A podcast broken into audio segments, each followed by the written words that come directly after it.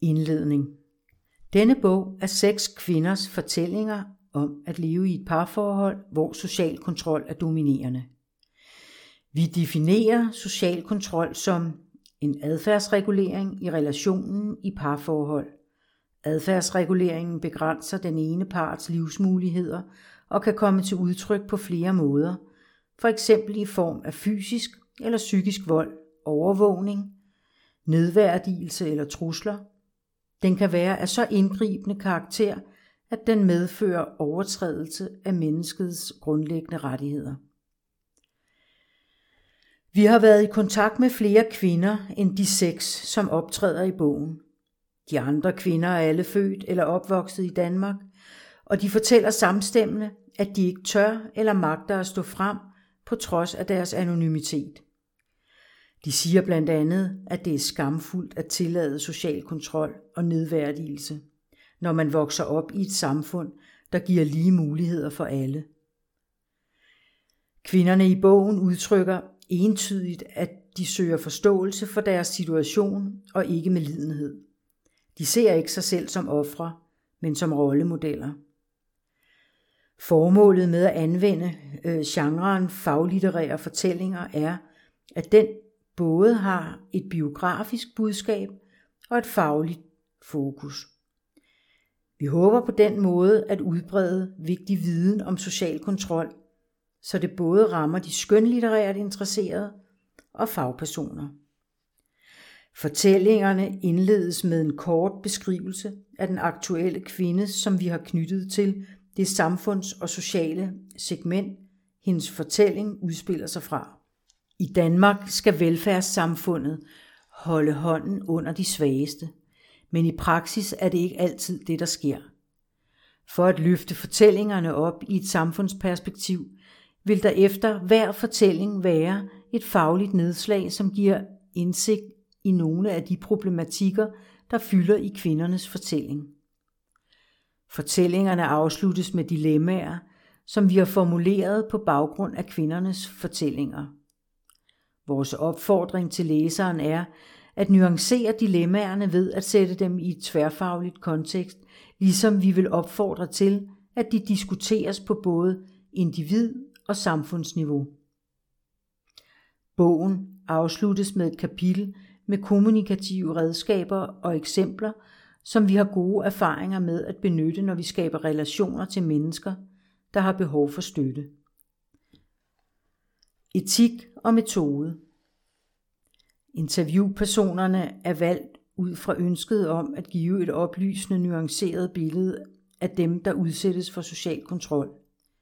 Interviewene er foretaget på steder, hvor kvinderne var trygge ved situationen. Fortællingerne fremstår i overensstemmelse med kvindernes udsagn. Vi vurderer, dømmer eller ændrer ikke på kvindernes fortællinger, som er gengivet med deres sprogbrug og i jeg-form. Vi vil lade det være op til læseren, om der er udsagn, der giver anledning til nysgerrighed, analyse og hypotetiske spørgsmål. Interviewene er lavet ud fra semistrukturerede principper, etiske overvejelser og informeret samtykke.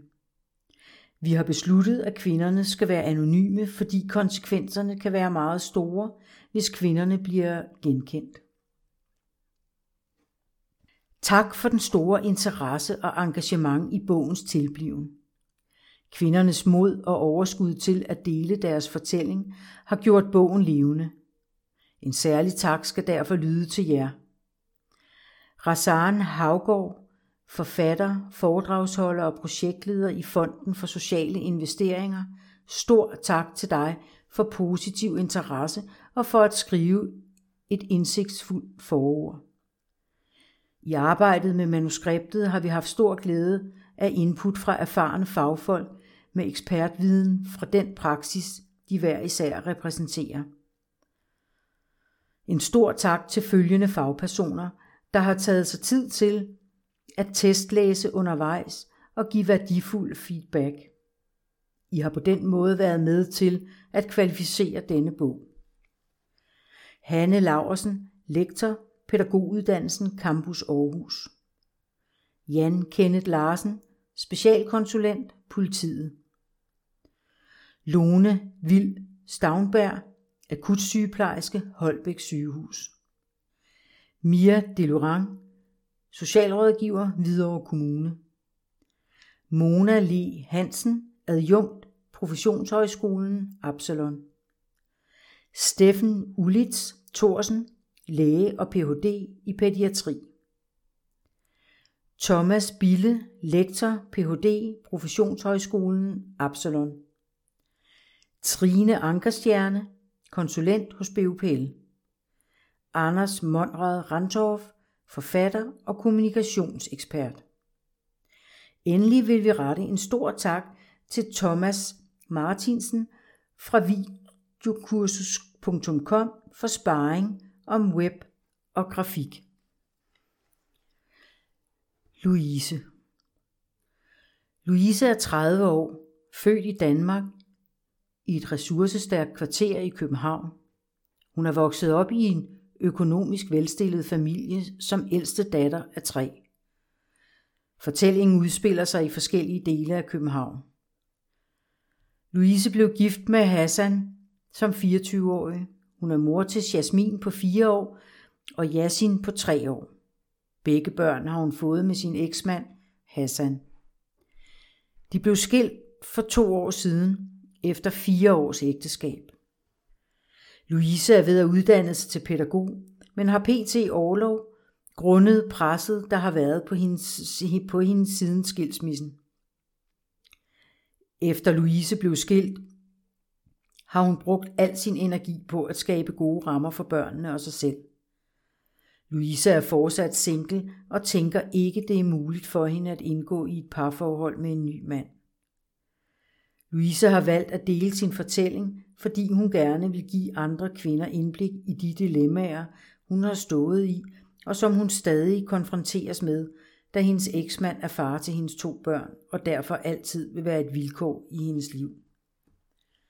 Hun håber, at hendes fortælling kan bidrage til at give andre kvinder mod til at bryde ud af et voldeligt og socialt kontrolleret ægteskab, før det er for sent. Ud fra et samfundsperspektiv er Louises fortælling vigtig at formidle, fordi undersøgelser peger på, at sociale problemer også forekommer i ressourcestærke familier. Louises fortælling taler ind i udfordringer om, at familier ikke nødvendigvis reagerer på nære relationers handlemønstre, til trods for, at de er tydeligt afvigende. Let dit hjerte til mig. Jeg hedder Louise. Jeg er født og opvokset i København i en almindelig familie, hvor jeg er den ældste af tre søskende. Jeg er uddannet social- og sundhedsassistent, hvilket jeg har arbejdet som i en del år. Nu studerer jeg på pædagoguddannelsen. Men lige nu er jeg sygemeldt, fordi livets udfordringer har indhentet mig lidt.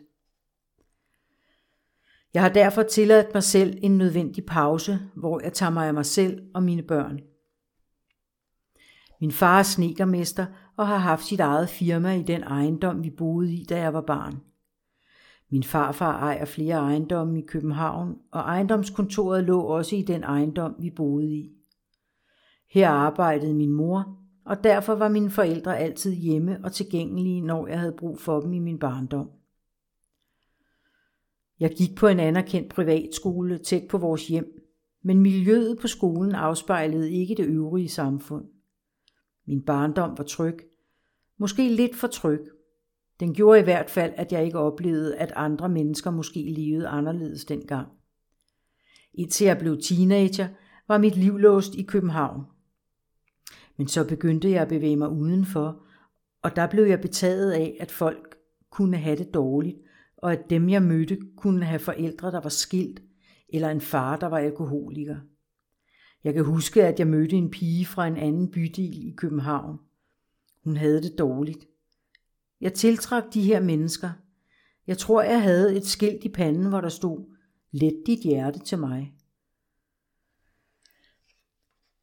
Selvom jeg var tiltrukket af problemer, blev de også en byrde for mig. Alligevel besluttede jeg mig for, at jeg ville arbejde med voldsramte kvinder og børn. Jeg ville være socialrådgiver. Og for at gå den vej, blev jeg social- og sundhedsassistent. Det strandede Der strandede jeg, da jeg mødte børnenes far, Hassan. Han tog mig seriøst. Jeg mødte ham på Facebook, hvor vi skrev lidt sammen. I begyndelsen sagde han mig ikke så meget, men han var meget ihærdig med at få kontakt. Jeg var lige kommet ud af et forhold efter seks år, hvor jeg ikke var blevet taget seriøst. Det var meget vigtigt for mig at blive taget seriøst, fordi jeg ville rigtig gerne have børn, giftes og have en familie.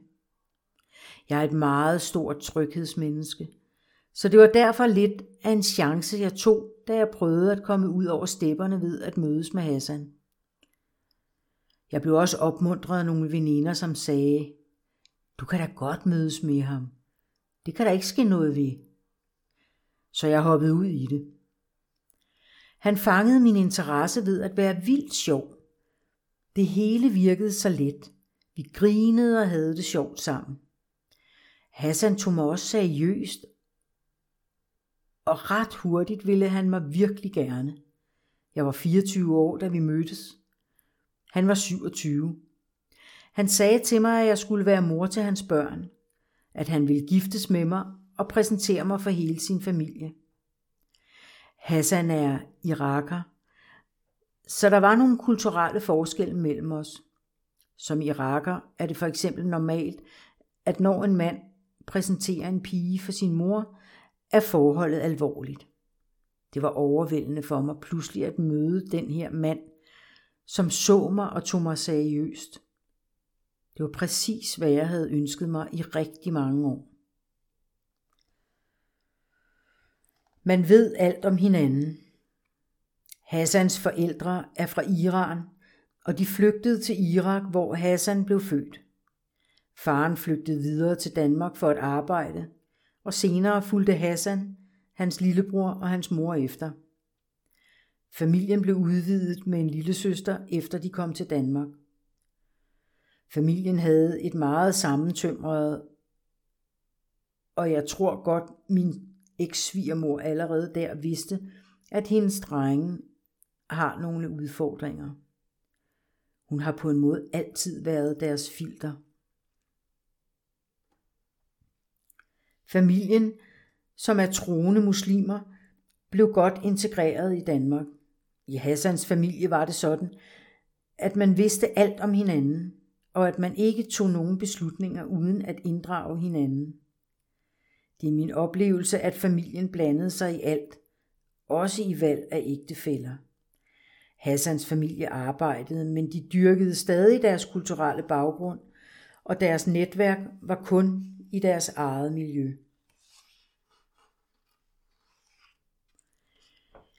Min eks-svigermor gjorde meget ud af at fortælle mig, at hendes søn havde nogle udfordringer, at han var lidt speciel. Hun sagde til mig, at når jeg sagde A, måtte jeg også sige B. Hassan og jeg havde selv valgt hinanden, og derfor måtte jeg også kunne klare at være i ægteskabet på trods af hans adfærd. Forældrene accepterede mig med det samme, selvom jeg er en dansk pige. Vi fik lov at vælge hinanden. Hans familie kunne godt lide mig, og jeg kunne godt lide dem.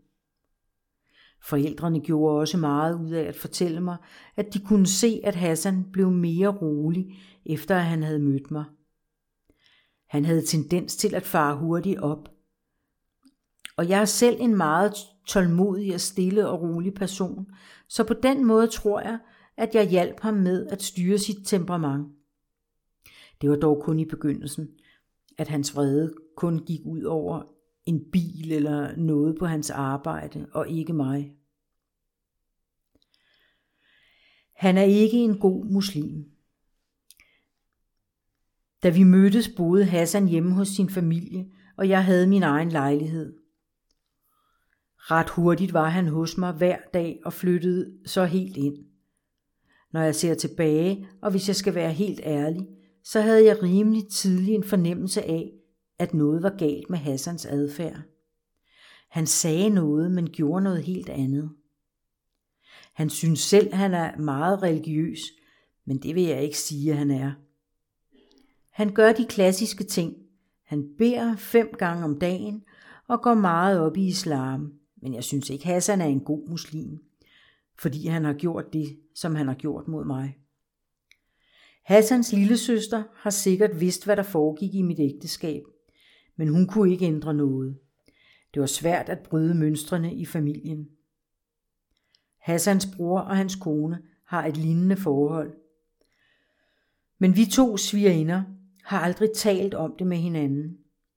Vi havde et fint forhold i begyndelsen, men så opstod der jalousi fra hendes side over ting, jeg gjorde med min mand, som hun ikke gjorde med sin. Så lukkede jeg af øh, for hende. Det blev jeg nødt til. Jeg udsletter mig selv. Allerede før vi blev gift, tænkte jeg, at jeg ikke kunne komme ud af forholdet. Jeg mødte ham i april, og vi blev islamisk gift i september. Det gør man, så ingen skal spørge, hvorfor jeg som fremmed kvinde opholder mig i familiens hus. Jeg blev på den måde godkendt som Hassans forlovede, og det var også et symbol på, at jeg blev taget seriøst. Det var vigtigt for mig, men samtidig følte jeg, at jeg ikke kunne komme ud af det igen. Jeg tror, at drømmen om kærlighed og familieliv holdt mig fast i forholdet, selvom jeg allerede på det tidspunkt fornemmede, at noget var galt. Jeg har noget i mig, altså det her med, at jeg ubevidst signalerer, kom, let dit hjerte hos mig, der gør, at jeg udsletter mig selv og hurtigt hopper over i andre mennesker. Det har helt sikkert også betydning for, at jeg blev hos ham så længe, som jeg gjorde. Vi blev dansk gift på rådhuset i februar året efter. På det tidspunkt havde vi kendt hinanden i 10 måneder, og jeg var allerede gravid med mit første barn. Vi blev dansk gift, fordi det betød meget for mig, nu hvor vi skulle have barn. Jeg ville også gerne sikre ham, men det ved jeg nu, at jeg aldrig skulle have gjort. Dengang var det også vigtigt for mig, at vi fik samme efternavn, så man på den måde kunne se, at vi var en lille familie. Det har vi stadig, samme efternavn. Det er nok svært for andre at forstå. Den sociale kontrol og den fysiske vold begynder allerede før vi blev gift. Allerede et par måneder efter vi havde lært hinanden at kende, var der bestemte caféer og træningscentre, jeg ikke måtte komme på, og områder i byen, jeg ikke måtte være i. Men jeg fik ikke nogen logisk forklaring på det. Hassan ville bare ikke have det, og jeg rettede mig efter det. Jeg tror, jeg tænkte, at jeg ikke ville provokere ham ved at gå mod hans holdning. Jeg tænkte også, at han måske havde ret i, at jeg ikke skulle gå de steder, at de ikke var gode for mig. Jeg kan huske en konkret episode, hvor jeg ville en tur til stranden med en veninde. Vi ville gå en tur ved vandet og købe en kop, kop kaffe, som vi plejede. Men det måtte jeg ikke for Hassan. Det var ikke sommer og bikinivejr, så jeg undrede mig. Vi ville bare gå en tur, men han blev meget vred over det, og han mente, at jeg selv skulle kunne vurdere, at det var forkert. Det er lidt indviklet at forklare, hvordan han tænker. Men hvis jeg gik der, gik det ud over ham, fordi det betød, at jeg ville ses, og hans kæreste skulle ikke være en, der havde behov for at blive set af andre. Han endte med at bestemme, at vi kunne gå en tur rundt om en sø i den anden ende af byen. Hvis det var vand, jeg ville se på, som han sagde. Det var meget manipulerende, når han talte til mig. Jeg kunne måske ikke forstå hans holdninger, men jeg endte med at acceptere dem. Jeg tænkte, hvorfor skulle jeg også på stranden? Jeg kunne jo lige så godt gå rundt om søen. Det er noget meget svært for andre at forstå, hvad der skete inde i mig, og hvorfor jeg lod Hassan bestemme over mig nærmest fra starten af vores forhold. Flagrede ikke tre timer på café. Han kontrollerede mig også ved at ringe eller skrive sms'er til mig. Jeg skulle svare med det samme, ellers blev der ballade. Han kunne ikke acceptere, hvis jeg lavede noget andet, og først svarede ham efter få minutter. Når det skete, skulle jeg forklare, hvad jeg havde lavet i de få minutter, hvor jeg ikke havde svaret. Min svar var aldrig tilfredsstillende. Han havde også en mening om, hvordan jeg skulle se ud. Men det gode ved mig var, at jeg allerede så præsentabel ud. Jeg vidste, hvilken påklædning, der kunne godkendes, og hvilken, der ville blive kritiseret. Hassan havde ingen grund til at svinge pisken over mig på det punkt. Men der var tøj, som jeg ikke skulle tage på, når vi skulle hjem til hans familie. Jeg sad heller ikke og flagrede tre timer en fredag på café med en veninde. Det vidste jeg godt ikke ville gå. Jeg tilpassede mig meget, helt af mig selv, og jeg testede ham ikke i det, jeg gjorde. Jeg diskuterede ikke med ham. Jeg indordnede mig altid. Jeg vidste godt, hvad der gik, og hvad han ikke ville have. Da jeg mødte ham, havde jeg for eksempel nogle rigtig gode drengevenner, som jeg vidste, jeg måtte droppe, når jeg indgik i et forhold med Hassan. Jeg var virkelig ordentlig over for ham. Det var nok også derfor, han valgte mig. Andre kvinder ville måske have gjort oprør eller sat spørgsmålstegn ved de krav og den kontrol, han satte op over for mig. Men det gjorde jeg ikke. Jeg accepterede de grænser og regler, han satte for mig i forhold til, hvor jeg måtte opholde mig. En ordentlig sviner. Hassan har sit eget firma, hvor han var fra morgen til aften alle ugens dage. Det har han altid været. Når han ikke var der, sov han, hvis han altså ikke var hos sine forældre. Selvom han var væk hele dagen, kontrollerede han mig. Da vi fik børn, slappede han lidt mere af, fordi han vidste, jeg var hjemme med dem. Men hvis han ringede, og jeg ikke kunne svare, fordi jeg sad med et lille barn, fik jeg en ordentlig sviner, når jeg ringede ham op tre minutter senere. Jeg skulle redegøre præcis for, hvad jeg havde lavet i de tre minutter. Han tog også screenshots af, hvornår han havde sendt en sms, og hvornår jeg havde svaret.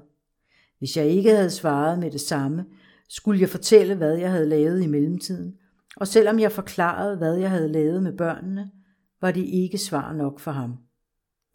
Jeg brugte meget tid på at forholde mig til hans forestillinger, som ikke passede med virkeligheden. Jeg bevarede altid roen i de samtaler. Jeg slukkede små ildebrænde. Jeg gik på landminer. Noget, som gjorde ham fred den ene dag, gjorde ham ikke fred den næste. Nogle situationer eskalerede, hvis han ikke fik de svar, han ville have. Han endte i, i et stage of mind, der var helt ude af kontrol. Så nogle gange tav jeg for at undgå det. Når han havde råbt og skrædet, slog han, og først derefter faldt han ned. Jeg kunne ikke tale med mm, ham ned. Jeg kunne heller ikke få ham til at stoppe ved at argumentere med, at børnene så, hvad der skete. Det var han ligeglad med. Vores børn så det flere gange. Når han kom hjem fra arbejde, skulle jeg bruge al min tid sammen med ham. Efter at have lagt to børn til at sove, ville jeg gerne sidde lidt med min iPhone og tjekke, hvilke beskeder, der var kommet i løbet af dagen. Det måtte jeg ikke. Hvis jeg lagde mig ind i sengen og gjorde det, gemte jeg telefonen, når han kom ind i rummet. Han lavede en voldsom scene, hvis han opdagede det, selvom det bare var 10 minutter, jeg brugte på det. Han tjekkede min telefon i begyndelsen af vores forhold, men ikke efter vi blev gift. Gjorde overgreb på mig selv. Hverdagen hjemme gik med, at jeg stod op og gjorde min datter klar til vuggestuen, og når hun var helt klar, stod Hassan op og fulgte hende, hvor efter han tog på arbejdet. Jeg gik hjemme med den mindste, lavede mad og gjorde rent. Jeg hentede min datter om eftermiddagen og legede med børnene til at skulle spise aftensmad med dem. Bade dem og putte dem. Det kunne tage lang tid. Jeg sagde engang til Hassan, at jeg gerne ville studere videre. Han svarede, at det aldrig ville komme til at ske, og at det ville være egoistisk af mig. For så ville min opmærksomhed være rettet mod studiet i stedet for mod ham. Men det er jo meningen, at man i et ægteskab skal støtte hinanden og vokse sammen. Det galt ikke hos os. Min datter var svær at få til at sove. Efterfølgende kan jeg se, at hun holdt sig selv vågen, fordi hun vidste, hvad der skete, når hun faldt i søvn.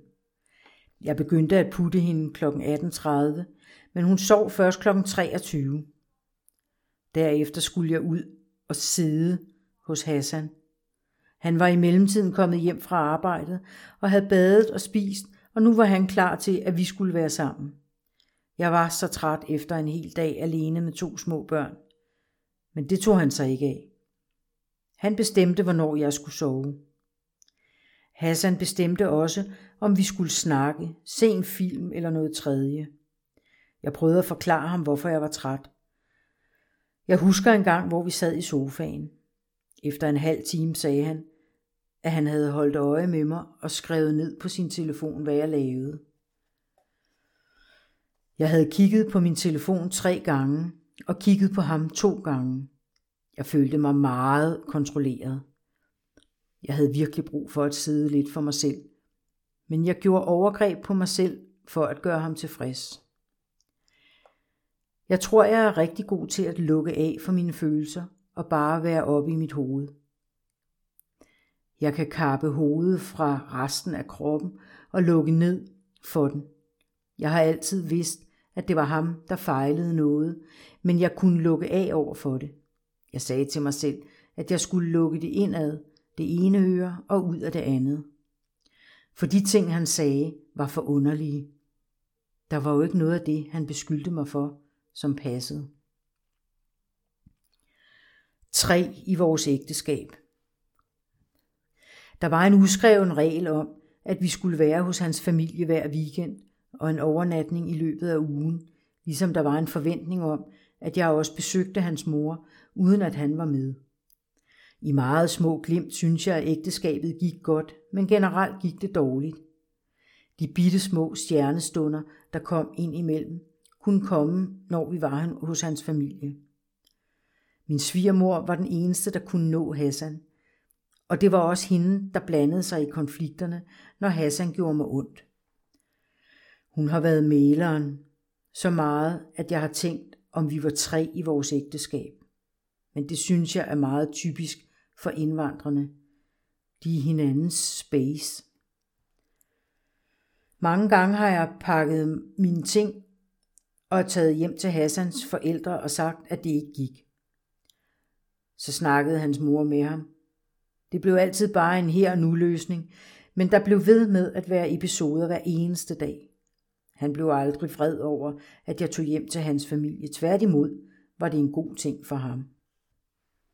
Hassan sov ofte, når vi var hos hans familie, og så skulle jeg få dagen til at gå med børnene. Jeg opgav at diskutere med ham, for han var en bedre udgave af sig selv, når vi var der. Det var ikke rart at komme hjem til os selv med ham, hvis jeg havde trumfet det igennem. Nogle gange var det en lettelse at være hos svigerfamilien, fordi hans mor kunne få ham til ting, som jeg ikke kunne. Hans mor var vigtig for mig, for jeg havde en følelse af, at hun var på min side. Hvis jeg ønskede noget skulle ske, sagde jeg det til hende, og så fik hun det som regel til at ske. For eksempel fik hun Hassan til at stå op og være sammen med os i stedet for at sove hele dagen. Når vi var hjemme hos os selv, skulle jeg få børnene til at være stille en hel dag, så han kunne sove. Det var svært. Da jeg havde født mit første barn, var vi hos hans forældre i seks uger. Jeg måtte ikke komme hjem til os selv, men det ville jeg så gerne. Alt det, jeg havde gjort klar, glædede jeg mig til at komme hjem til sammen med mit lille barn. Men det måtte jeg ikke. Jeg græd og sagde til Hassan, at jeg ikke kunne forstå, at han ikke kunne se, hvad jeg havde brug for. Han svarede, at vi skulle blive hos hans mor, ellers ville hun blive ked af det. Min egen familie besøgte vi kun en gang imellem i de seks uger. Jeg havde ingen stemme, følte jeg. Jeg havde en trykken i min hals, når jeg ikke blev hørt. Jeg blev manipuleret, det vidste jeg godt, men jeg kunne ikke sige noget. Jeg havde en indre dialog, men den kunne ikke komme ud. Alt, hvad jeg sagde, blev misforstået og vendt til hans fordel. Han kunne sige til mig, at jeg havde sagt ja til ting, jeg ikke havde. Og han sagde det sådan, at jeg kom i tvivl om, hvad jeg havde sagt. Glattede ud og påtog mig skylden. Til at starte med var der ingen udefra, som lagde mærke til, at jeg havde det dårligt og levede med social kontrol og vold. Men en aften, hvor han var gået helt amok, gik jeg ned til en underbo, som også var en veninde. Det var efter Hassan havde kørt vildt rundt i byen med mig i sin bil, sat mig af, spyttede på mig og lavede en scene over for alle sine venner. Det er den eneste gang, jeg har fortalt noget til nogen. Lang tid efter sagde min underbo, at hun havde haft på fornemmelsen, at vores forhold ikke var godt. Jeg sagde ellers intet til nogen om, hvordan jeg havde det, heller ikke til mine tætte veninder, og ingen kunne se det på mig. Jeg var så god til at skjule det. Ingen andre vidste noget, fordi jeg ingenting fortalte. Kun til min svigermor, som altid bare glattede ud. Men i andre situationer var jeg også hurtig til selv at glatte ud, påtage mig skylden og tænke, at det var mig, der havde fremprovokeret volden. Jeg vidste også, at hvis jeg sagde bare en brøkdel af, hvad der foregik til nogen, ville de reagere. Efterfølgende har mine forældre bebrejdet sig selv, at de ikke kunne se, hvor dårligt jeg havde det. Men det kunne de ikke. Jeg har altid holdt tingene adskilt. Min familie var glad for Hassan som svigersøn. I hvert fald har de aldrig sagt andet, men er det ikke også typisk dansk? Jeg synes ikke, man blander sig i andres liv. Det var først, da jeg stod helt udkørt og var ved at græde alene med to små børn over, at han aldrig var der, at mine forældre oplevede ham, som han er. Vi var en dag på besøg hos dem. Den lille havde lavet lort, og Hassan bad mig gå ud og skifte blæen. Han blev bare siddende, selvom jeg var træt. Efterfølgende sagde mine forældre, at det havde generet dem, men i hans miljø er det normalt at bede kvinden gøre det. Omvendt synes mine forældre, at jeg virkede glad, så derfor skete der ikke mere. Store solbriller om vinteren for at skjule et blåt øje. Hassan slog mig også, mens jeg var gravid. Han har sparket ud efter min mave under begge graviditeter. Jeg husker en gang i lufthavnen, hvor han spændte ben for mig. På det tidspunkt var jeg gravid med min datter i syvende måned. Jeg snublede og syntes, det var flovt og vanvittigt. Ingen gjorde noget, selvom mange så det. Pædagogerne i vuggestuen kunne måske have undret sig over, at min datter var så moden, som hun var. Det var unaturligt. Som halvandenårig havde hun for eksempel fuld sprog. Jeg kom alene til sommerfester med de to børn, hvor det ene skreg konstant. Jeg har også afleveret dem om morgenen med fuld party makeup og store solbriller om vinteren for at skjule et blåt øje. Men de undrede sig åbenbart ikke, for ingen sagde noget. Vi havde et møde med institutionen, fordi jeg ikke ville have, at min datter skulle sove middagslur længere, da hun så ikke ville sove om aftenen. På det møde eskalerede Hassans vrede, og jeg kunne se, at de brugte alle deres faglige redskaber til at tale ham ned. Jeg sad og fik ondt i maven. Han sagde mærkelige, voldsomme ting, som ikke var relevante. For eksempel, at de spyttede ham i ansigtet, hvilket de ikke gjorde. Efter det møde kunne de også have undret sig, men de sagde aldrig noget. Han har engang imellem vist noget af sin karakter på den måde, men han er super intelligent, velformuleret og charmerende. Så det var svært for andre at se, hvordan han var over for mig og børnene. Han var den her store verdensmand med store armbevægelser, der bestemte, hvornår et nej var et nej, og et ja var et ja. Han bestemte alting. Jeg sagde engang til ham, at hvis han kunne være blevet gift og fået børn med sig selv, ville han have gjort det. Lægen registrerede ikke mine skader.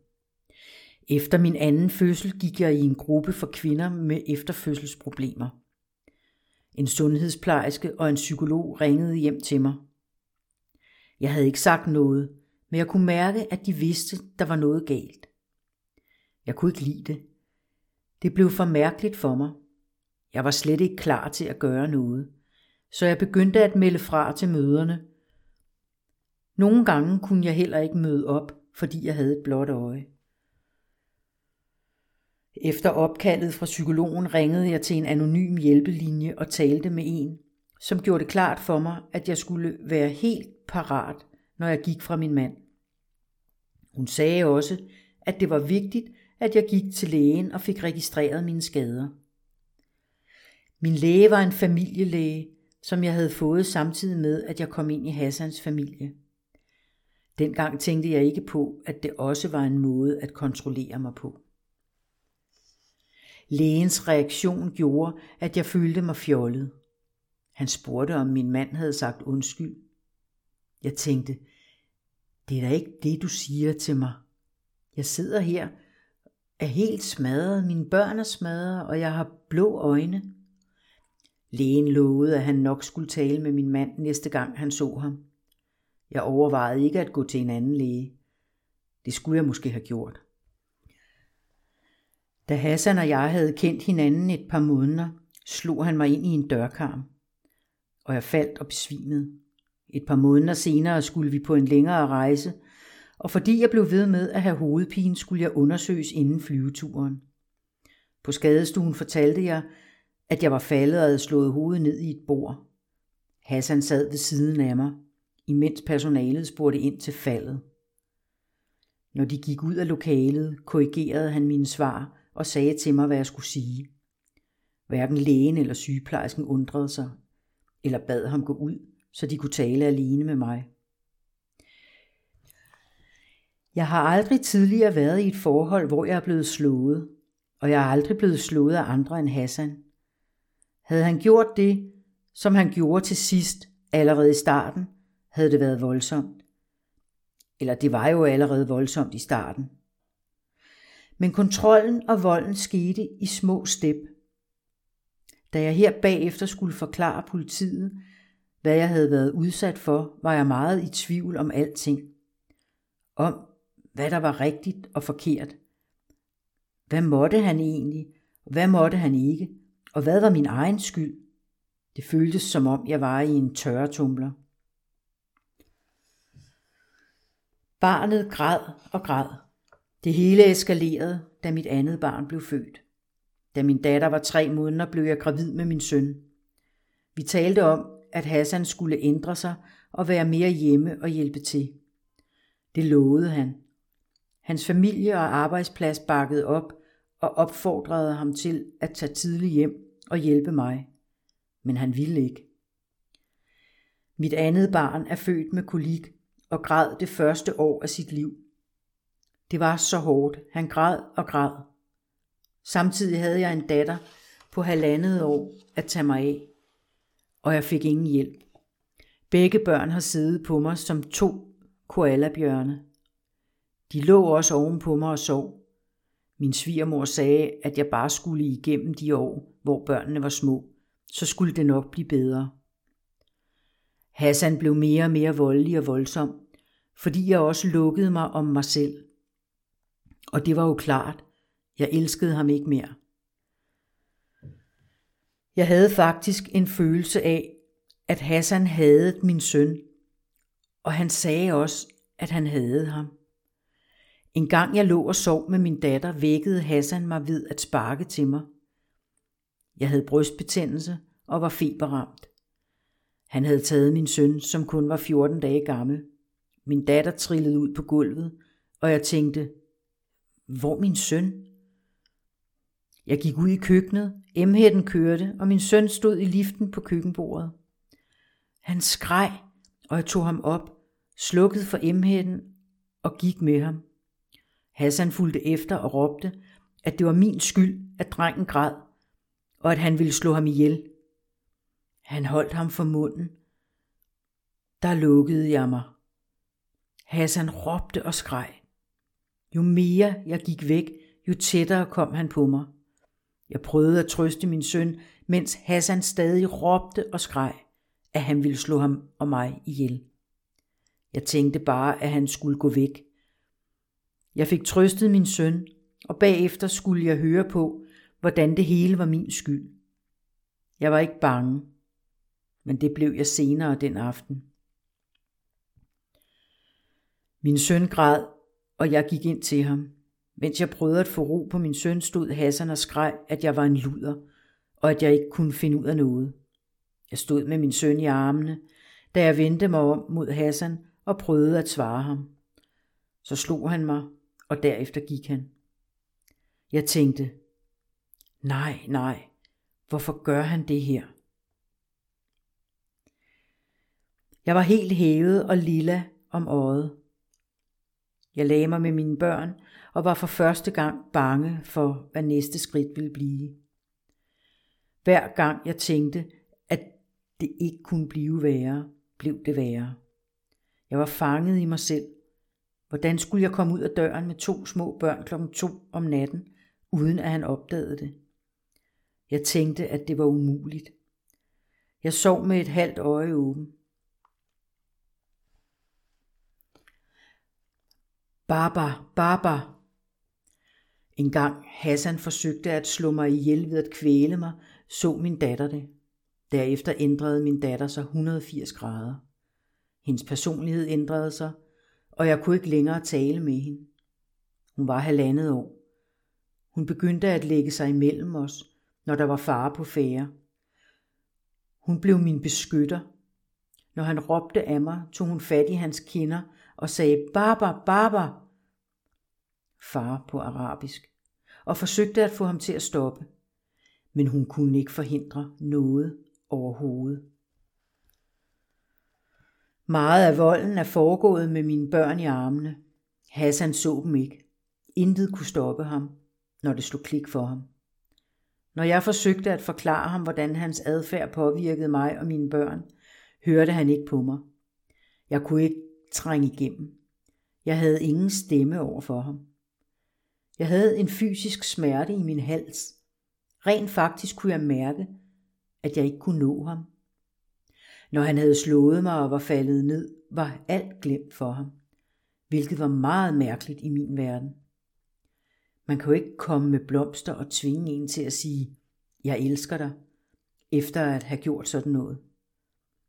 Han sagde, at det gode ved ham var, at han faldt lige så hurtigt ned igen, som han for op. Det, som fik mig til at reagere og tænke, at det ikke længere gik, var for det første den episode, hvor han forsøgte at slå mig ihjel, og hvor min datter efterfølgende ændrede personlighed. Det fyldte så meget hos mig. Jeg tænkte meget over, at han gjorde skade på børnene. Og for det andet kom den episode i køkkenet, hvor jeg for første gang blev bange bagefter. Det var et decideret overgreb på hende. Kort tid efter de to episoder var vi på ferie. Vi sad uden for hotellet, og Hassan var ved at fortælle mig noget, da min datter tabte den iPad, hun sad med. Han tog hende i ansigtet og kastede hende fra det ene hjørne af sofaen til det andet. Hun var to år. Hun sad som forstenet. Jeg tænkte, at jeg havde lyst til at dræbe ham. Jeg tog min datter op og sad med hende tæt ind til mig. Hun sagde ikke en lyd i et kvarter. Hun var ligesom forsvundet. Tårne trillede ned ad mine kinder, og Hassan skulle bare slet ikke sige noget.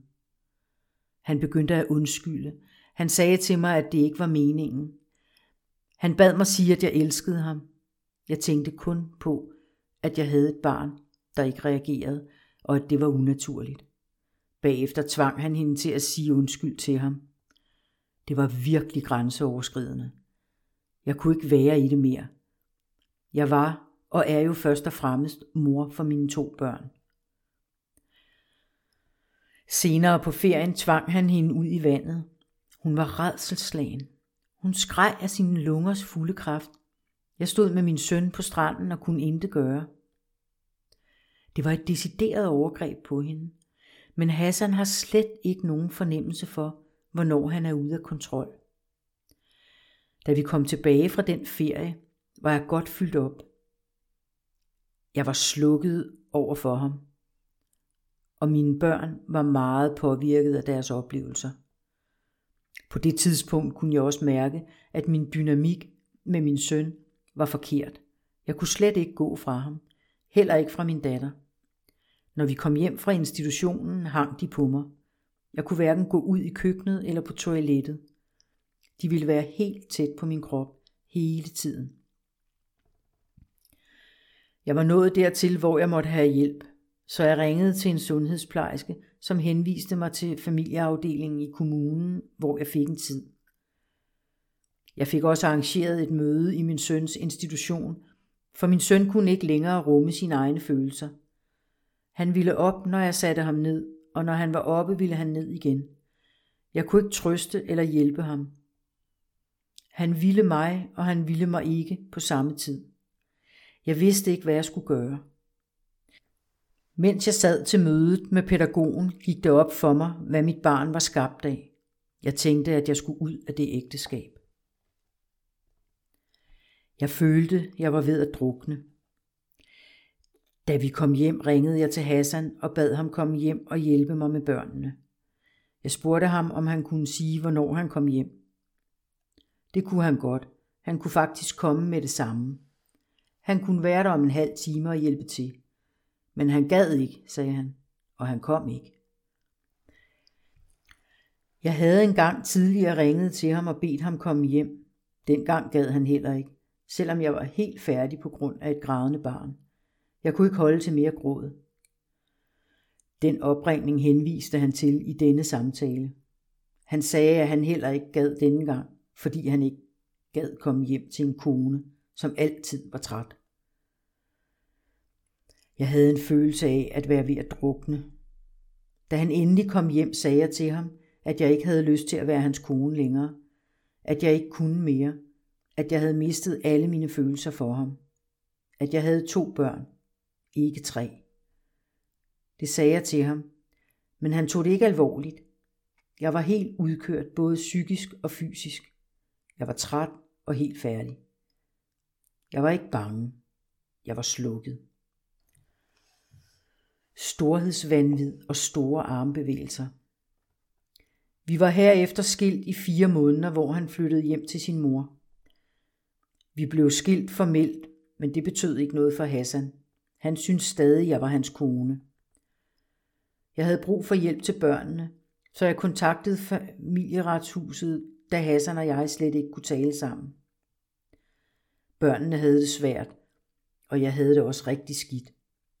Vi blev vist aldrig islamisk skilt, for han ville ordne det uden mig, og jeg har aldrig fået papir på det. Men jeg orker ikke den konflikt. Det er ligegyldigt nu. Han ønskede, at jeg skulle tikke og bede ham om at komme tilbage, da det var mig, der havde smidt ham ud. Jeg tænkte, at det ikke ville komme til at ske. Men alligevel begyndte vi i parterapi på min opfordring. For hvis vi skulle være sammen igen, skulle der ske store ændringer.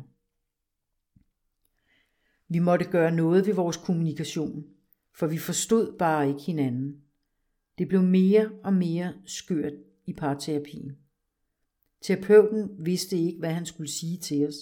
Hassan sad med storhedsvanvid og store armbevægelser og gav mig skylden for alt, og parterapeuten sagde bare, at det ikke var i orden at slå. Den besked tog Hassan ikke imod, for han mente, det var min skyld. Jeg ville gerne forstå Hassan, men han ville ikke forstå mig. På det tidspunkt kunne jeg ikke give Hassan mere taletid. Jeg kunne ikke være i det længere, så vi fortsatte med at være skilt. Jeg fik ham lidt på afstand og ville gerne lave aftaler med ham om, hvornår han skulle se børnene, fordi jeg kunne ikke acceptere, at han bare kom, som det passede ham. Vi aftalte, at han hentede børnene om morgenen og fulgte dem i institution.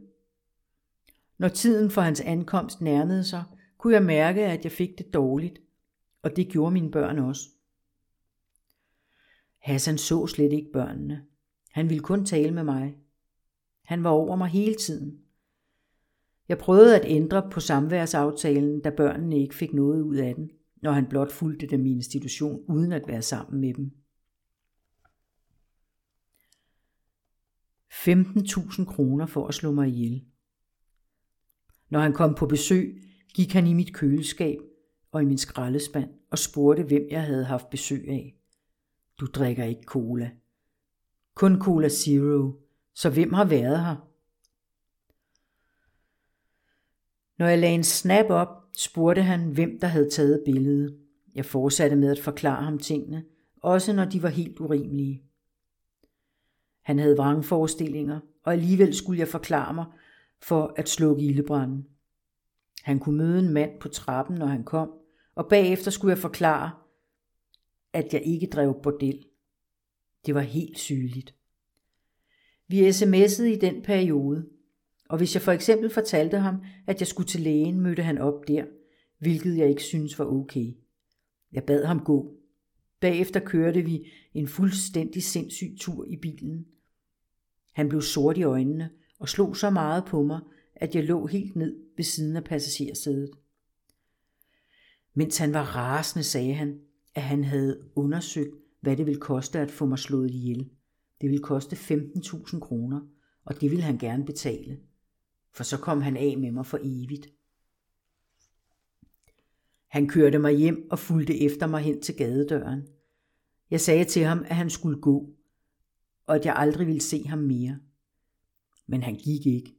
Hassan bestemte altid, hvornår jeg slap fri. Vi har haft mange bilture, hvor jeg tænkte, hvordan kommer jeg ud af bilen? Bare der ikke sker et uheld. Jeg tænkte, at han var helt sindssyg.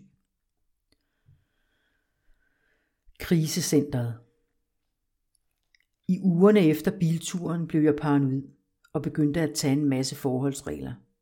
Jeg begyndte at kigge ud af vinduerne hele tiden. Jeg tjekkede, at der ikke stod nogen i opgangen. Jeg badede uden forhænget. Mine søskende synes også, at jeg opførte mig underligt. Jeg havde tidligere fået mange dødstrusler fra Hassan og fået at vide, hvordan det skulle foregå, både hvordan jeg skulle brændes og begraves. Men den sidste trussel havde nået et andet level, og det gjorde mig bange og utilpas. Vi sov alle tre super dårligt i den periode. Jeg begyndte at sige lidt til en god veninde, og jeg fik den reaktion, jeg forventede. Hun fortalte mig om krisecentre, og først synes jeg slet ikke, det var mig. Jeg var også bange, om mine børn ville blive tvangsfjernet, hvis jeg tog på krisecenter. Men jeg havde brug for tryghed, så jeg ringede alligevel til et. De tog det meget alvorligt, og det påvirkede mig, så jeg flyttede ind. Jeg fortalte min egen familie, at jeg flyttede på krisecenter, og grunden dertil. Min mor var chokeret over volden. Den havde de ikke set. De havde nok fornemmet den sociale kontrol, men ikke volden. Hele min familie var tryg ved, at jeg og børnene flyttede på krisecenter, og forstod, at jeg havde brug for hjælp. For deres egen skyld fortalte jeg dem ikke, hvor jeg skulle være. De vidste ikke, om jeg var i Jylland eller på Sjælland. Jeg betragtede hende som en mor. Det var et tabu at tale om, at vi var nødt til at blive skilt. Det var en erklæring for mig. Især fordi jeg synes, jeg blev offer for fordommene om, at et ægteskab mellem en dansk kvinde og en irakisk mand aldrig ville gå. Men på grund af børnene blev jeg nødt til at gå fra ham. Jeg vil gøre alt for mine børn. Så det betød også, at jeg måtte opgive drømmen om ægteskab og familie, så de kunne få et andet liv. Havde jeg ikke haft børnene, var jeg nok sammen med ham endnu. Det er jo ikke bare Hassan, jeg er blevet skilt fra. Jeg ser ikke min svigerfamilie mere, og jeg er ked af, at jeg ikke ser min svigermor. Hun havde altid sagt, at jeg var velkommen sammen med børnene. Jeg havde nøgle til huset, jeg havde boet der og levet der. Hun begyndte at ændre sig, da jeg fastholdt beslutningen om skilsmisse. Hun begyndte at komme med undskyldninger, når jeg ringede. Det var en stor sorg for mig, for hun var en kvinde, jeg betragtede som en mor. Og da jeg havde allermest brug for hende, afviste hun mig. Alt, hvad hun havde sagt, betød ingenting mere. Det var anledningen til, at jeg tog den endelige beslutning om at tage på krisecenter.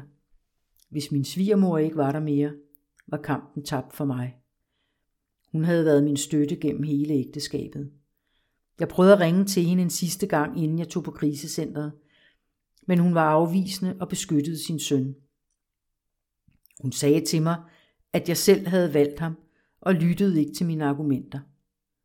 Jeg har ikke talt med hende siden. Jeg har mistet hele Hassans familie og alle vores fælles venner. De valgte alle sammen ham. Sweet talk. Da jeg kom til krisecentret, fik jeg en pædagog til at hjælpe mig med at skrive en e-mail til Hassan. Medarbejderne synes ikke, at jeg skulle være så sød over for ham. Men jeg ville gerne skrive, at vi ikke var hjemme, så han ikke troede, vi lå døde i lejligheden, når jeg ikke åbnede døren. Jeg ville også gerne undgå, at han fik et raserianfald og sparkede døren ind. Jeg fik min bror til at sende mailen, og selvfølgelig kontaktede Hassan min bror, som jo heldigvis ikke vidste, hvor jeg var. Fra den ene dag til den anden lukkede jeg for kontakten til omverdenen. Jeg havde slukket min telefon og ladet den blive hjemme, købt en ny med taletidskort og hævet alle pengene på min konto, så Hassan ikke kunne se, hvad jeg købte, og især hvor jeg handlede. Jeg ved, han forsøgte at ringe og skrive sms til mig, mens jeg var på krisecentret, for det kunne jeg se på min telefon, da jeg kom tilbage. Hassans mor havde også forsøgt at kontakte mig. Hassan skrev også mange mails, som jeg modtog på krisecentret. Jeg printede dem og læste dem sammen med personalet. Jeg vidste, at jeg ikke var stærk nok til at læse dem alene. Der var meget sweet talk i hans mails, og jeg vidste, at jeg ville læse det anderledes, end personalet ville. Baba ikke finde mor. På krisecentret var alt nyt. Jeg troede, jeg skulle passe mig selv, men det gik op for mig, at både jeg og børnene havde det så dårligt, at sikkerheden blev det vigtigste for mig. De første 14 dage var meget intensive. Personalet gjorde alt, hvad de kunne for at holde på mig, når jeg sagde, at jeg ville hjem. De hjalp mig med at se tingene klart og se, hvor skadet børnene var. De hjalp også med alt det praktiske, som kontakten med familiehuset. Det var svært, fordi jeg var vant til at holde tingene for mig selv og bevare kontrollen. Men jeg kunne mærke, at det var godt for mig, at andre tog over. Jeg var tryg ved personalet, for de havde styr på det. Jeg havde ikke kunnet gennemføre det alene. De første tre måneder kunne jeg kun tale, når børnene sov. Hvis børnene var vågne, holdt de mig bogstaveligt talt for munden, når jeg begyndte at sige noget til nogen. Min datter sagde, stop, når jeg begyndte at fortælle. Hun gjorde alt for at afværge samtalen. Hun sagde til mig og pædagogen, at vi skulle stoppe med at snakke, og hun begyndte at kaste med ting efter pædagogen for at stoppe samtalen. Jeg måtte heller ikke tale med de andre kvinder. Min datter sagde til pædagogen, at hun var glad for at være der, for så kunne Baba ikke finde mor. Hun var to år. Jeg var chokeret over, hvor meget hun havde registreret. Jeg begyndte at negligere mine oplevelser, for de var jo ikke så slemme som andres. Personalet holdt mig fast i, at det, der var foregået, var alvorligt. Der blev lavet en plan for mig, og efter seks måneder flyttede jeg hjem til familieejendommen, hvor jeg var vokset op. Jeg ville gerne tilbage til min gamle lejlighed, men personalet troede, det ville give mig dårlige minder at vende tilbage dertil. Overskud, ballonger, gaver. Det var vigtigt for mig, at Hassan så børnene, hvilket mange havde svært ved at forstå. Da jeg skulle anmelde Hassan hos politiet, spurgte de, om han nogensinde havde gjort børnene noget. Det svarede jeg nej til. Der kommer aldrig mere ud af den sag. Den dag i dag, to år efter, har jeg stadig svært ved at se, om han har gjort børnene noget. Det lyder mærkeligt, men jeg kan stadig ikke skelne mellem, hvad der er rigtigt og forkert. Der blev lavet en aftale om overvåget samvær mellem Hassan og børnene. Jeg vidste, at han ikke kom til at vise, hvem han var på den times samvær, der var fastsat. I stedet kom han med overskud, ballonger og gaver, og han fik de flotteste udtalelser af samværskonsulenten. Der blev også indhentet flotte udtalelser fra børnenes institutioner. I retten, hvor der ellers var advokater med udtalelser fra krisecentret, vandt han retten til samvær med børnene. Jeg følte slet ikke, at de ansvarlige havde læst papirerne forud for den beslutning. Systemet er ikke gearet til at gennemskue sådan en som Hassan. Vi har stadig fælles forældremyndighed, men det er svært, og meget dyrt at få den fulde forældremyndighed. Så den kamp har jeg opgivet. Indtil videre er det gået fint nok, men der kommer sikkert konflikter i forhold til skolevalg og alt muligt andet. Jeg fik bopælspligten, og det er vigtigt for mig. Hassan og jeg har i dag et godt samarbejde om børnene. Det fungerer, fordi jeg har mine metoder til at passe på mig selv. Men i starten kunne vi ikke engang stå over for hinanden. Det gav problemer, især for min datter, så mine forældre har gennem en periode hentet og bragt dem på weekend hos Hassan hver anden weekend. Han bor hos sine forældre igen, og jeg er tryg ved, at børnene opholder sig der. Hassan ville ikke kunne være alene med dem uden hjælp fra sin mor. Han fortæller, at han ikke rigtig kan nærme sig min datter. Jeg tror, at hendes system husker, at der er noget utrygt ved ham. Hun holder øje med mig. En gang ringede han til mig, mens begge børnene græd. De var sent på den på vej til børnehaven. Han var rasende over en buschauffør, som han følte sig generet af. Han ringer stadig, når jeg skal give ham ret i, at det er de andres skyld. Den slags episoder oplever mine børn, og det er jeg bekymret for.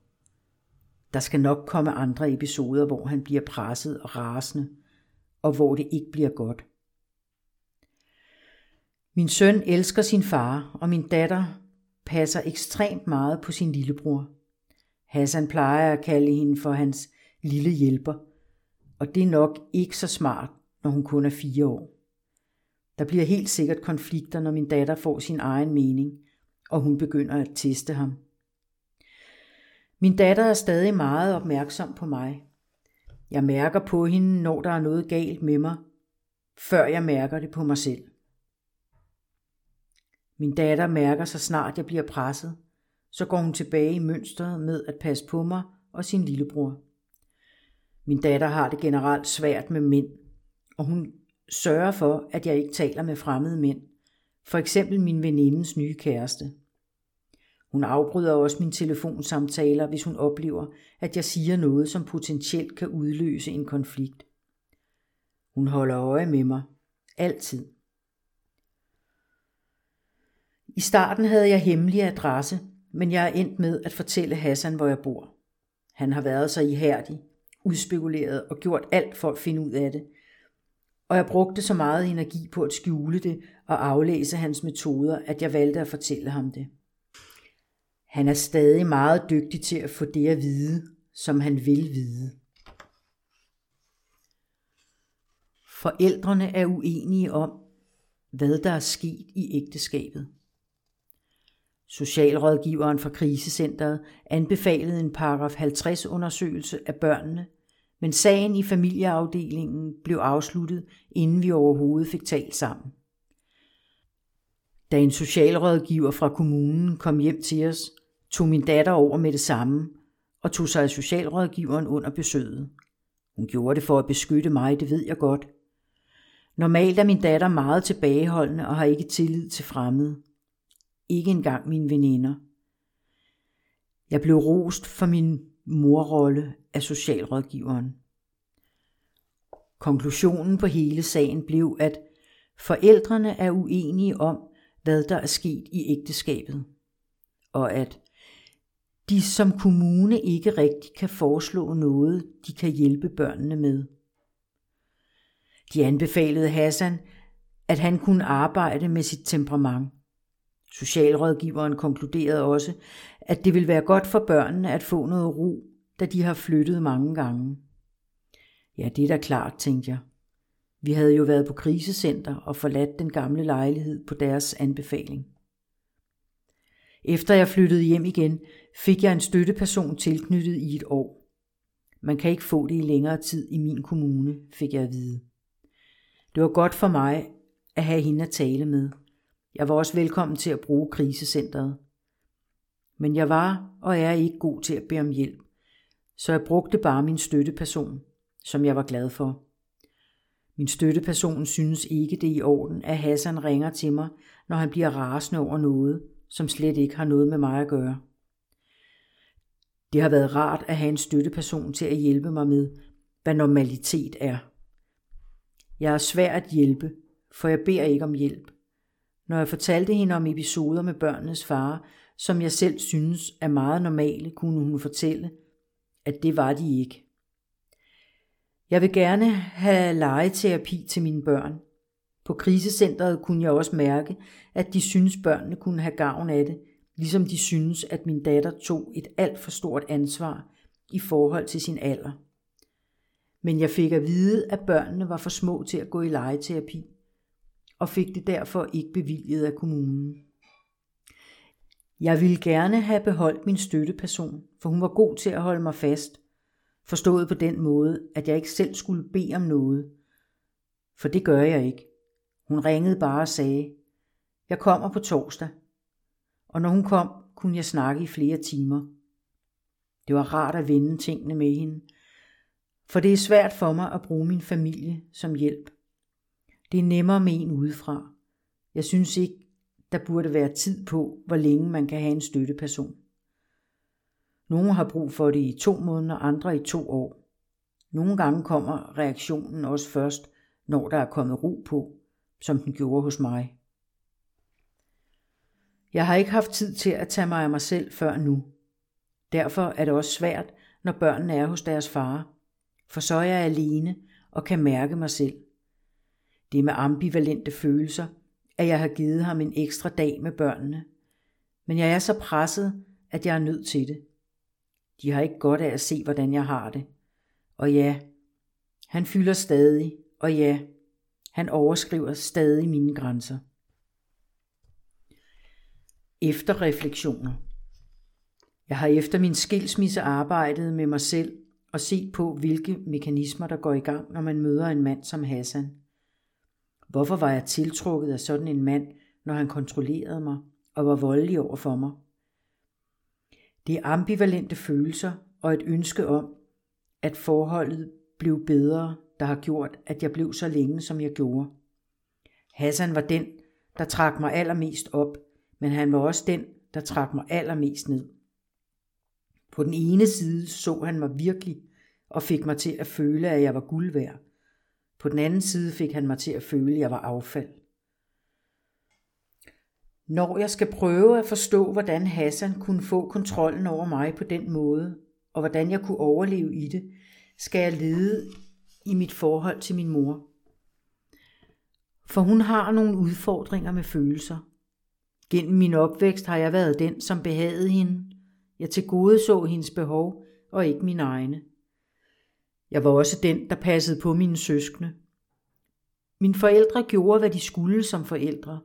Det er der ikke nogen tvivl om. Men min mor formåede ikke at opfylde vores følelsesmæssige behov. Jeg er meget opmærksom på, at det samme ikke skal ske for min datter, for jeg kan se, at det er der, hun er nu i forhold til mig. I store dele af mit liv er jeg også blevet afvist af min mor. Jeg tror, at den overlevelsesmekanisme, jeg har lært som barn, har gjort, at jeg har kunnet være i ægteskabet med Hassan. Men jeg er en anden mor end min mor. Herhjemme taler vi meget om følelser. Men jeg har skulle lære, hvad de forskellige følelser betyder.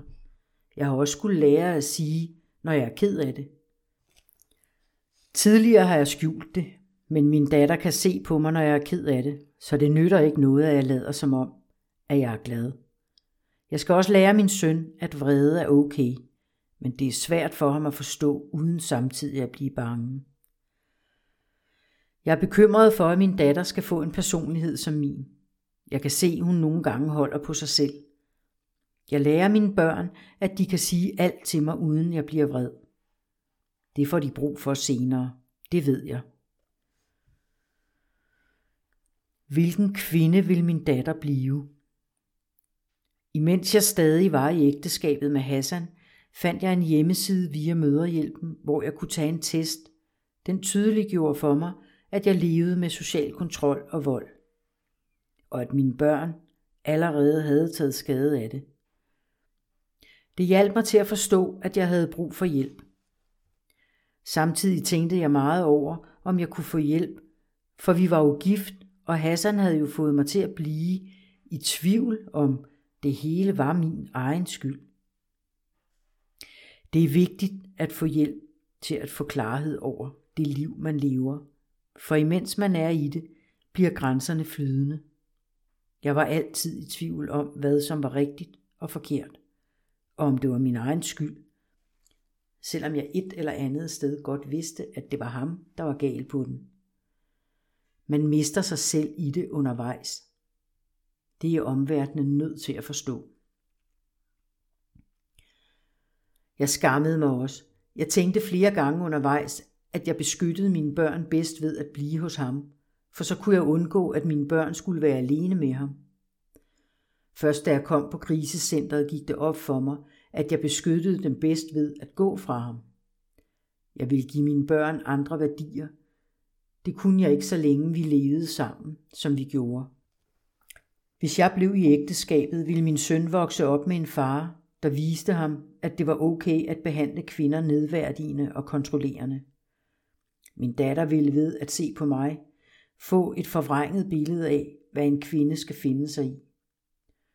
Hvilken kvinde kunne hun ikke ende med at blive, hvis ikke jeg skulle vise hende, at kvinder er lige så meget værd som mænd, at kvinder har rettigheder og har ret til at blive behandlet ordentligt og med respekt. Han er snedig og får ting ud af mig. Jeg er sygemeldt fra mit studie nu, fordi vi ikke skal tilbage i det gamle mønster, og jeg skal passe på mig selv og mine børn.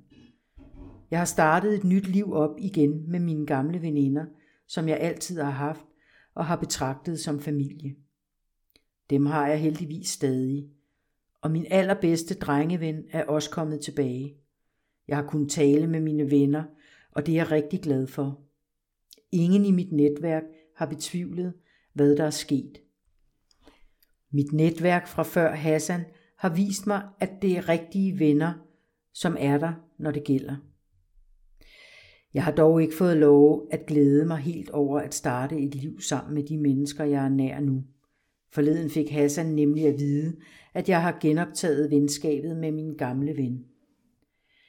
Det er lidt kompliceret at forklare, hvorfor han stadig ved, hvad jeg laver, men nogle gange er vi sammen i forbindelse med børnene, og vi spiser også sammen en gang imellem.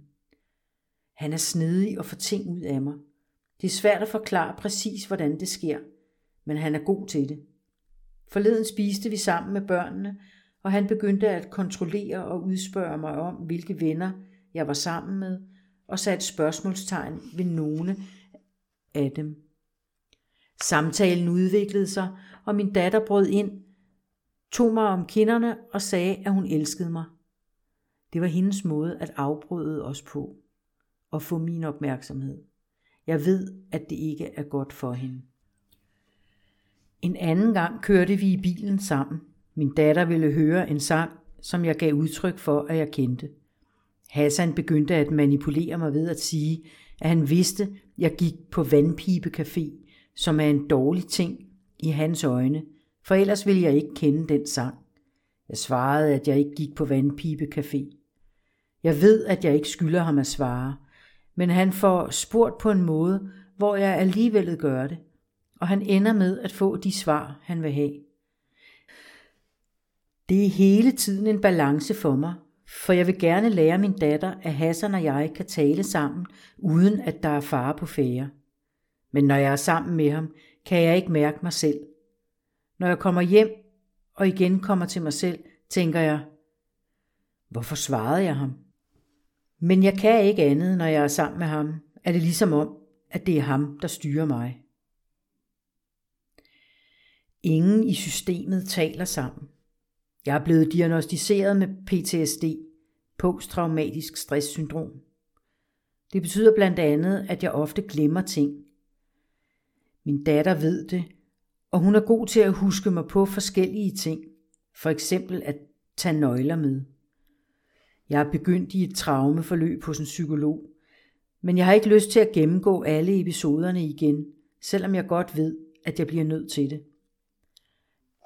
De popper op, når jeg bevæger mig ud i samfundet, så der er ingen anden vej end at arbejde med dem. Jeg kan ikke få hjælp fra kommunen til børnene, fordi de umiddelbart fungerer, men jeg vil gerne have hjælp til dem. Jeg synes bestemt, min datter har brug for det. Jeg plejer at sige, at min søn har reddet mig. Havde jeg ikke fået ham, og havde han ikke haft kolik, var jeg og min datter nok blevet i ægteskabet med Hassan.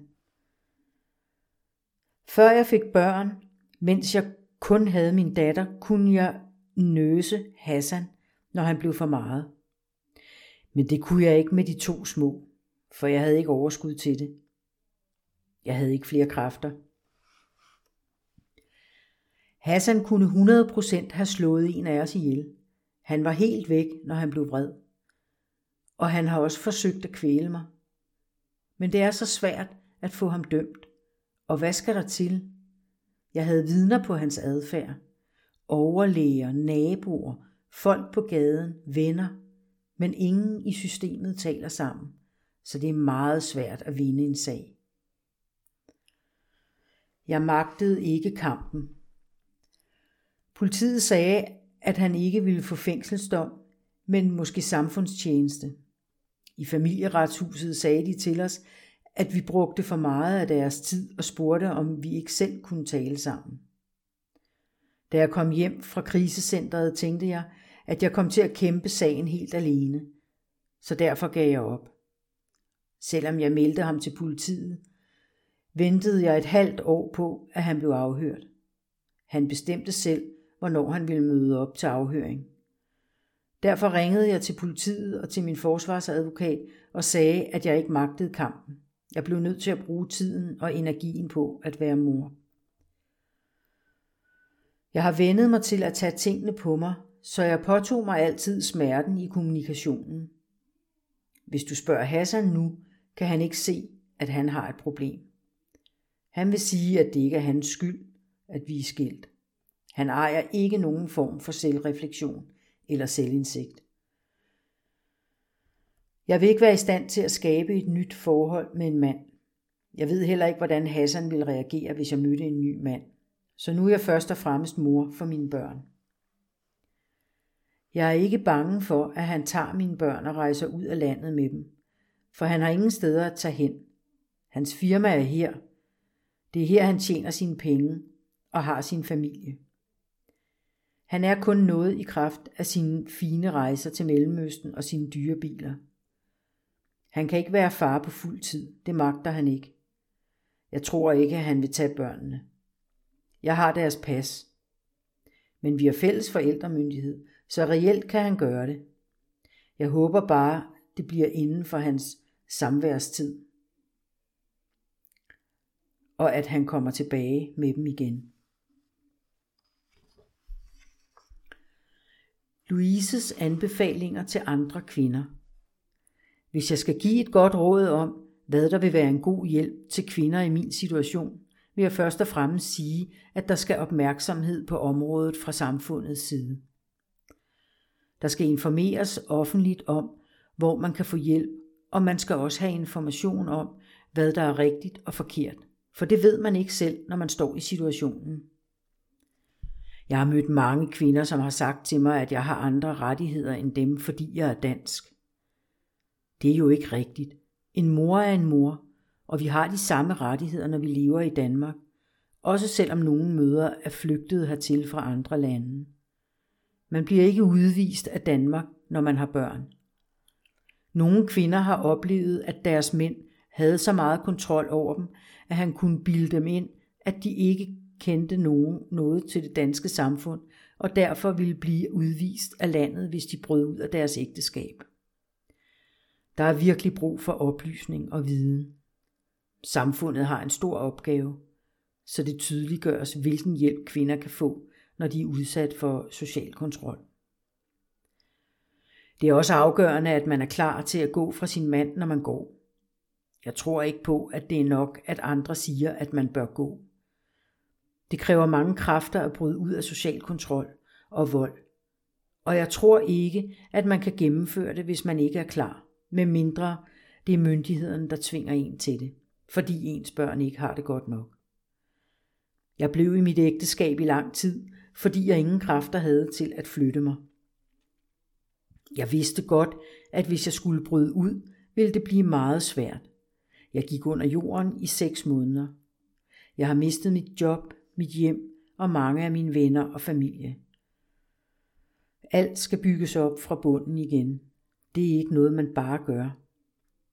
Det vil nemt blive ligesom at gå igennem en snestorm.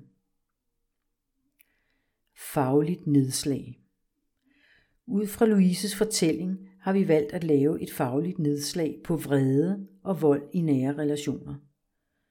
Louise oplever meget vrede i Hassans adfærd. En vrede, som hurtigt eskalerer og bliver til fysisk vold. Det er derfor relevant at se nærmere på, hvad vrede er for en følelse, og hvordan volden kan være udløst af et vredesudbrud, ikke på nogen måde at acceptere ukontrolleret vrede, men for at forstå, hvad der sker. Formålet med at slå ned på disse to tematikker er desuden, at et voldeligt ægteskab har konsekvenser for de børn, som overværer volden, øh, hvad vi også ser tydeligt tegn på hos Louises to børn. Vi skal derfor være opmærksomme på, at vold i nære relationer er mere end mellem ægtefæller. I Louises fortælling fremgår dette blandt andet, når hun fortæller. Jeg oplever, at Hassan bliver vred og kommer i et state of mind, hvor jeg ikke kan trænge igennem til ham. Det gør det umuligt for mig at få en dialog og tale mig ud af situationen. Det ender derfor ofte med et voldeligt overgreb fra Hassan mod mig eller mod børnene. Det er som om Hassan skal igennem en hel proces fra vrede til vold, før han kan komme tilbage til sig selv. Vrede beskriver vreden som en følelse, der ligesom andre følelser er opbygget af flere dele. 1. Følelsens stemning. 2. De tanker, som knytter sig til følelsen. 3. Den adfærd, som følelsen frembringer. Og 4. De fysiologiske virkninger, som følelsen får frem i kroppen. Vrede er en normal følelse, og den kan være sund og sørge for, at vi kommer ud med vores meninger og behov. Den kan hjælpe os med at sætte grænser, og den kan føre os igennem kriser og sorg. Derfor bør vrede ikke kun ses som en negativ følelse. Det er først, når vreden bliver ukontrollerbar og ender med at skade en selv og andre, at den bliver en last og dermed et problem, som vi ser det i Hassans tilfælde, hvor vreden fremstår meget destruktiv og voldelig. Vrede forekommer oftest i nære relationer. Den kan komme til udtryk på forskellige måder, som en udadreagerende adfærd, som et snigende udbrud eller som hårde ord. Man taler desuden om vred adfærd, som kan vise sig som psykisk eller fysisk vold. Vreden reguleres op og ned i styrke, alt efter hvordan vi fortolker situationen, som gør os vred. Hvis intensiteten af vreden bliver påvirket af vores refleksioner over situationen, kan man dæmpe vreden ved at omfortolke den, ellers ender man i rumination. Møller 2018 taler om begrebet rumination, som beskriver det tankemønster, som vreden kan fremkalde, når tankerne kører i ring og fastholder en situation, som egentlig er overstået. Tankerne forekommer her selvretfærdige. De hænger fast i vreden og søger at retfærdiggøre sig selv og finde skyld hos modparten. Dette mønster ser vi tydeligt hos Hassan, når han bliver vred. Vrede og vold hænger sammen. Man skelner mellem emotionel vold begået på baggrund af vrede og instrumentel vold, som ikke handler om følelser, men om at opnå noget bestemt, for eksempel respekt eller en indre tilfredsstillelse, belønning. Når det gælder valg af behandlingsform, er det afgørende at undersøge, hvilken af de to former, der er tale om, da de kræver hver deres behandlingsmetode. Freden eksisterer ikke som en selvstændig lidelse i vores diagnosesystem, men den kan optræde som et symptom på flere forskellige psykiatriske sygdomme. Der findes derfor ikke et selvstændigt behandlingstilbud mod vrede i det danske sundhedssystem. Psykologisk behandling har vist sig effektfuld, især kombinationen af social færdighedstræning og tanke- og afslappningstræning har vist gode resultater i forhold til at blive bedre til at takle konflikter og til at kontrollere indre vrede. Vold i nære relationer. Socialstyrelsen definerer vold i nære relationer således. En handling eller trussel, der uanset formålet kan krænke en anden persons integritet, eller som skræmmer, smerter eller skader personen, uanset om personen er et barn eller en voksen. Volden kan have samme effekt på andre personer, der overværer eller overhører handlingen. Volden kan være en bevidst handling eller en handling, der sker i affekt. Handlingen overskrider samfundets love og normer. Socialstyrelsen 2019 Det bemærkelsesværdige i denne definition er, at den gør opmærksom på, at det ikke alene er voldsofferet, som oplever smerte ved volden, men også at de, som overværer volden, kan opleve samme smerte. I Louises fortælling hører vi, at børnene ofte er i armene på Louise, når hun udsættes for vold. De er derfor i risiko for at udvikle adfærdsproblemer, tilknytningsproblemer og psykiske lidelser. Ifølge Kvælo 2013 gælder det særligt børn, hvor moren får konstateret PTSD på grund af volden, hvilket Louise for nylig har fået konstateret. Derudover har børn, som har oplevet gentagende voldsepisoder mellem forældrene, en stor risiko for at udvikle depression i deres ungdom. Da politiet spørger Louise, om Hassan har gjort børnene noget, og er hun i tvivl om svaret. Hun kan ikke skelne, hvad der er rigtigt og forkert. Den dag i dag er Louise i tvivl om, hvorvidt Hassan har gjort noget, som kan skade børnene. Et norsk studie har vist, at forældre underrapporterer, at deres børn er vidner til volden i familien. Det kan dels skyldes, at forældrene har et håb om, at børnene ikke har set, hvad der er foregået, og dels, at forældrene ikke kan overskue konsekvenserne af, hvad der sker, hvis de siger det højt. Vold i nære relationer er ofte fyldt med skyld og skam for den udsatte, og for de fleste er det en hemmelighed, der skjules for omverdenen. En national undersøgelse fra 2018 viser, at ca. 38.000 kvinder og 19.000 mænd blev udsat for fysisk partnervold i 2017. Forekomsten af fysisk partnervold er højere blandt kvinder af ikke dansk baggrund end kvinder af dansk baggrund. Men forskellen er meget lille, når der justeres for alder. Generelt er yngre kvinder mere udsatte for partnervold end ældre kvinder. Undersøgelsen viser desuden, at den type partnervold, som Louise udsættes for, er den typiske i form af skub, slag og kvælertag. Vold i ægteskabet er sjældent noget, som opstår pludseligt. Det sker som regel over tid. I Louises tilfælde viste volden sig allerede efter et par måneder, da Hassan skubbede hende ind i dørkarmen, så hun faldt og besvimede. Herefter eskalerede volden og blev et vilkår i deres forhold. Der er forskellige teorier om, hvorfor en kvinde vælger at blive i et voldeligt forhold.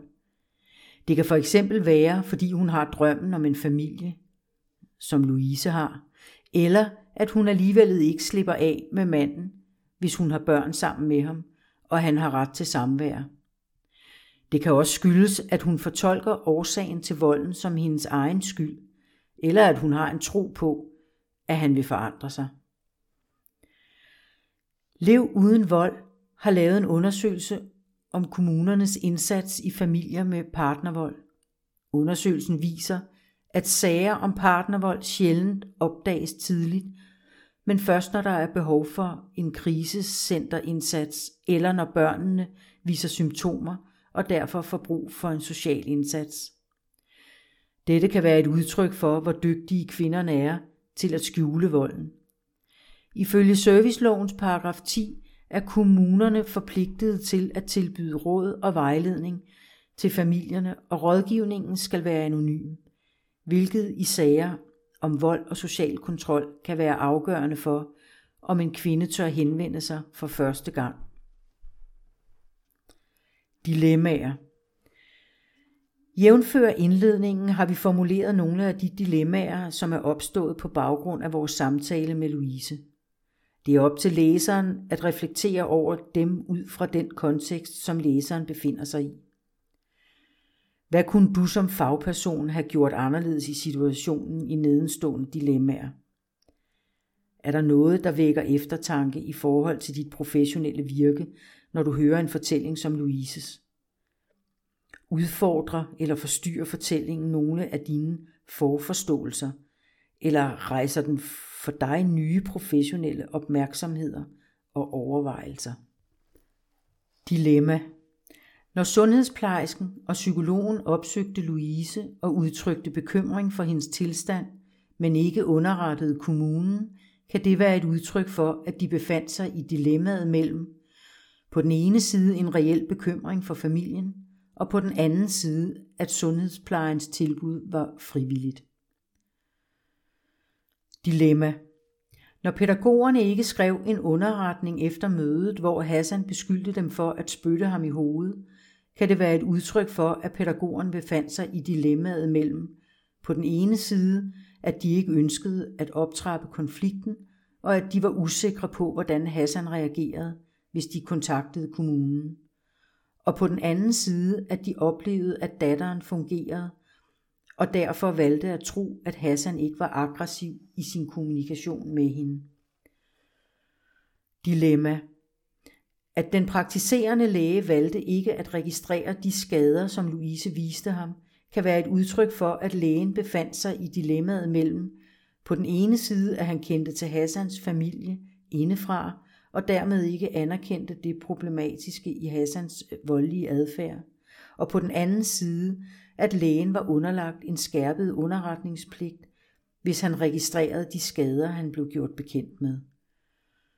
Dilemma da Louise fortalte sygehuspersonalet, at hun blev ved at have hovedpine efter et tidligere fald i hjemmet, og de ikke bad Hassan gå ud, imens de undersøgte Louise, kan det være et udtryk for, at sygehuspersonalet befandt sig i dilemmaet mellem på den ene side mødet med en kvinde, der fortalte en historie, som vækker fordomme om et voldeligt forhold, og på den anden side, at de sad over for en kvinde, som havde vedvarende smerter i hovedet, og fandt tryghed i at have sin mand med til samtalen. Dilemma.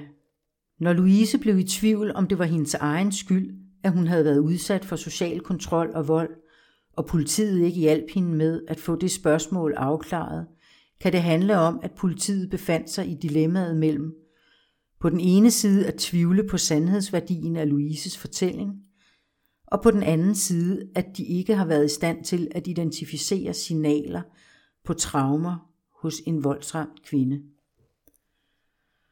Dilemma når Louise ikke oplevede, at der kom noget ud af hendes anmeldelse hos politiet, kan det være et udtryk for, at politiet befandt sig i dilemmaet mellem på den ene side, at hverken børnenes institution eller familiens læge havde underrettet kommunen, og dette gav anledning til tvivl om alvorsgraden af anmeldelsen, og på den anden side, at politiet ikke var i stand til at isolere problematikken og skille tingene ad.